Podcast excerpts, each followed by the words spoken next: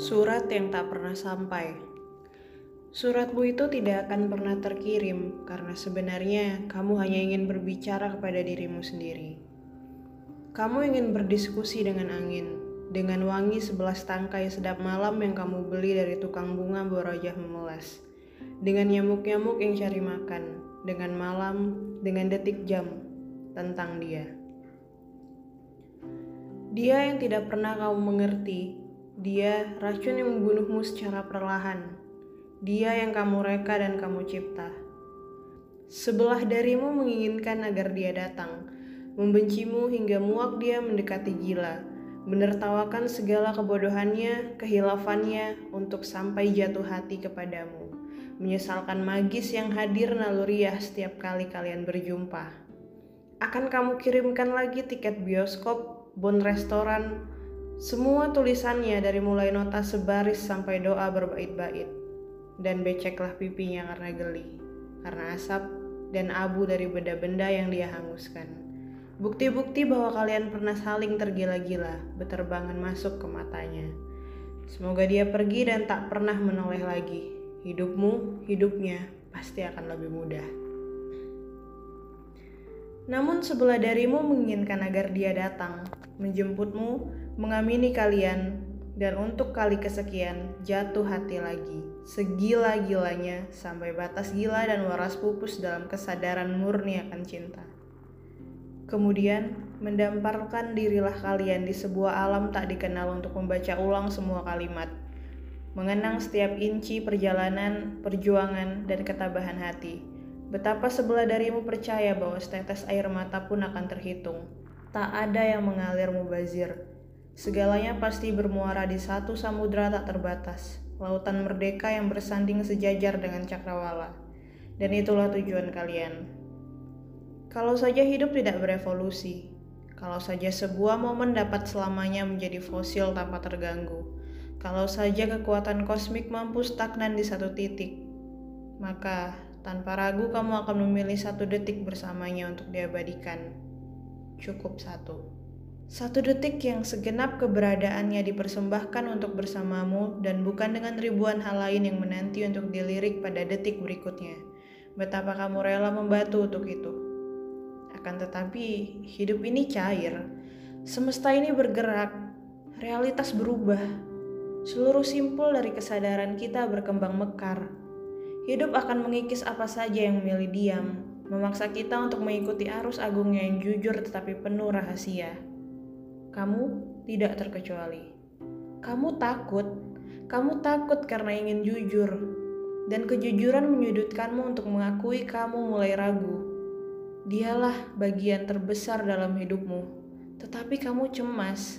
Kata sejarah mulai menggantung hati-hati di atas sana. Sejarah kalian, konsep itu menakutkan sekali. Sejarah memiliki tampuk istimewa dalam hidup manusia tapi tidak lagi melekat utuh pada realitas. Sejarah seperti awan yang tampak padat berisi tetapi ketika disentuh menjadi embun yang rapuh. Skenario perjalanan kalian mengharuskanmu untuk sering menyejarahkannya, merekamnya, lalu memainkannya ulang di kepalamu sebagai sang kekasih impian, sang tujuan, sang inspirasi bagi segala mahakarya yang termuntahkan ke dunia. Sementara dalam setiap detik yang berjalan, Kalian seperti musafir yang tersesat di padang, berjalan dengan kompas masing-masing tanpa ada usaha saling menyocokkan.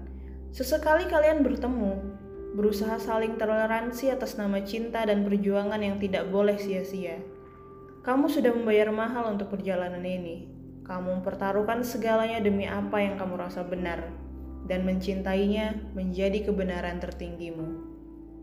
Lama. Baru kamu menyadari bahwa pengalaman merupakan bagian tak terpisahkan dari hubungan yang diikat oleh seutas perusahaan mutual. Lama bagi kamu untuk berani menoleh ke belakang, menghitung berapa banyakkah pengalaman nyata yang kalian alami bersama. Sebuah hubungan yang dibiarkan tumbuh tanpa keteraturan akan menjadi hantu yang tidak menjejak bumi, dan alasan cinta yang tadinya diagungkan bisa berubah menjadi utang moral, investasi waktu, perasaan, serta perdagangan kalkulatif antara dua pihak. Cinta butuh dipelihara, bahwa di dalam sepak terjangnya yang serba mengejutkan, cinta ternyata masih butuh mekanisme agar mampu bertahan. Cinta jangan selalu ditempatkan sebagai iming-iming besar atau seperti ranjau yang tahu-tahu meledakkanmu, entah kapan dan kenapa. Cinta yang sudah dipilih sebaiknya diikutkan di setiap langkah kaki, merekatkan jemari dan berjalanlah kalian bergandengan karena cinta adalah mengalami. Cinta tidak hanya pikiran dan kenangan, lebih besar Cinta adalah dia dan kamu, interaksi, perkembangan dua manusia yang terpantau agar tetap harmonis. Karena cinta pun hidup dan bukan cuma maskot untuk disembah sujud. Kamu ingin berhenti memencet tombol tunda. Kamu ingin berhenti menyumbat denyut alami hidup dan membiarkannya bergulir tanpa beban. Dan kamu tahu, itulah yang tidak bisa dia berikan kini. Hingga akhirnya, di meja itu kamu dikelilingi tulisan tangannya yang tersisa. Kamu baru sadar betapa tidak adilnya ini semua. Kenapa harus kamu yang kebagian tugas dokumentasi dan arsip sehingga cuma kamulah yang tersiksa? Jangan heran kalau kamu menangis sejadi-jadinya. Dia yang tidak pernah menyimpan gambar rupamu pasti tidak akan tahu apa rasanya menatap lekat-lekat satu sosok. Bayangkan rasa sentuh dari helai rambut yang polos tanpa busa pengeras, rasa hangat uap tubuh yang kamu hafal betul temperaturnya. Dan kamu hanya bisa berbagi kesedihan itu, ketidakrelaan itu, kelemahan itu dengan wangi bunga yang melangu, dengan nyamuk-nyamuk yang putus asa, dengan malam yang pasrah digusur pagi, dengan detik jam dinding yang gagu karena kehabisan daya. Sampai pada halaman kedua suratmu, kamu yakin dia akan paham, atau setidaknya setengah memahami Betapa sulitnya perpisahan yang dilakukan sendirian. Tidak ada sepasang mata lain yang mampu meyakinkanmu bahwa ini memang sudah usai. Tidak ada kata peluk, cium, atau langkah kaki beranjak pergi yang mampu menjadi penanda dramatis bahwa sebuah akhir telah diputuskan bersama.